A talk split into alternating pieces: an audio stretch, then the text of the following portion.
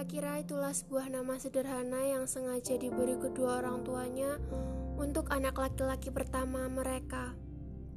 Sekilas memang terdengar biasa saja, tapi enggak untuk antar Gata. Laki-laki yang kerap dipanggil Gata oleh teman-temannya itu lahir tepat di hari kematian ayahnya sendiri, yang mati muda karena insiden bom Bali pasca itu saat bekerja. Bandung. Iya, Gata lahir di bumi Pasundan, tempat yang diciptakan Tuhan saat bahagia, makanya udaranya dingin. Kata orang-orang, ia lahir di hari museum, 12 Oktober 2002. Beda seperti anak seumurannya yang menunggu-nunggu hari ulang tahunnya, namun enggak dengan Gata. Kerap kali ia bertanya-tanya, kenapa kematian ayahnya harus di hari lahirnya. Antara duka atau senang, sudah tidak ada bedanya. Gata tumbuh menjadi laki-laki pendiam. Sebagian waktu luangnya diisi dengan nongkrong bersama anak band Ikaros. Gata nggak merokok meski teman-temannya begitu. Ia tak mau mati muda seperti ayahnya. Katanya, ia sangat rindu ayah yang tak pernah ia jumpai. Kalau kalian bertanya apa itu band Ikaros, ya, band Ikaros adalah rumah kedua bagi Gata. Jika kata orang-orang yang ia kerjakan hanyalah sia-sia, tapi bagi Gata, hidupnya adalah standarnya sendiri. Gata memang punya dunianya sendiri yang gak akan pernah bisa kita capai. Baginya, cukup dunia nyata saja yang banyak mematahkan hatinya, banyak mematahkan ekspektasi dan realita yang kejam. Maka baginya, membuat dunianya sendiri sudah cukup untuk mencari kata bahagia. Jam istirahat ia habiskan dengan membaca buku-buku sejarah tentang dunia. Kata seorang anak tunggal, karena sampai sekarang ibunya belum menikah lagi.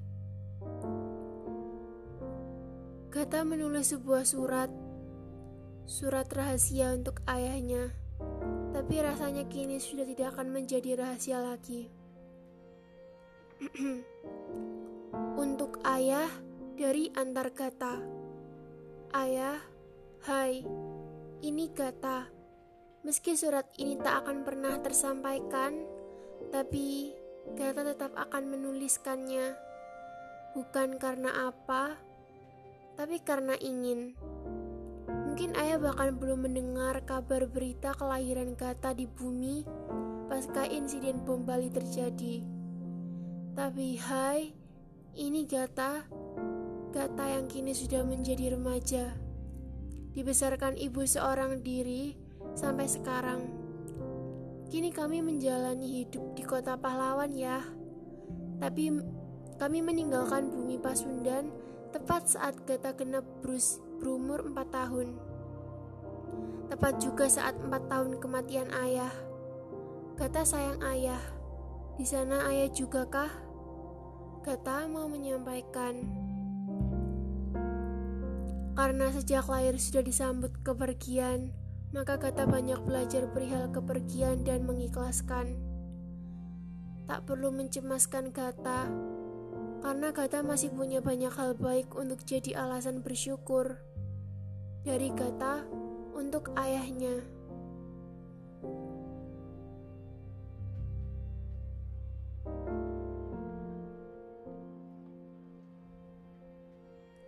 Hai, terima kasih sudah mendengarkan prolog antar Gata sampai sejauh ini. So, yang bingung ini tuh apa? Jadi saya membuat segmen baru judulnya Cerita Malam. Di season 1 ini saya akan menceritakan perihal antar gata dan semestanya. Jadi, perihal semesta antar gata tidak berhenti sampai di podcast kali ini. Kali ini baru prolog yang menceritakan latar belakang siapa itu antar gata, tentang kehidupannya, dan apa yang jadi alasan antar kata tersenyum. Untuk genrenya, mungkin ini bisa dibilang tentang slice of life.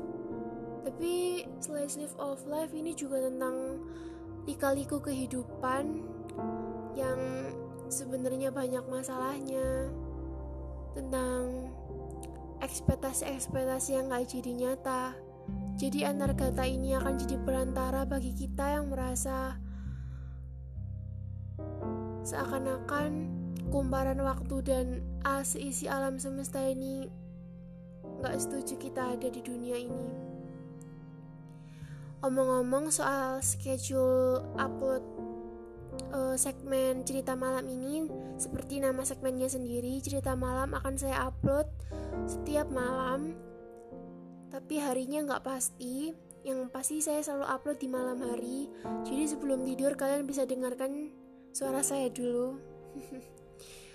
Dan untuk terakhir, saya juga mau bilang terima kasih karena kalian masih bertahan mendengarkan saya ngomong.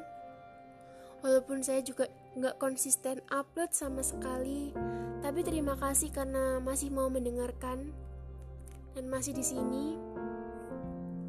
Terima kasih banyak dan minta maaf.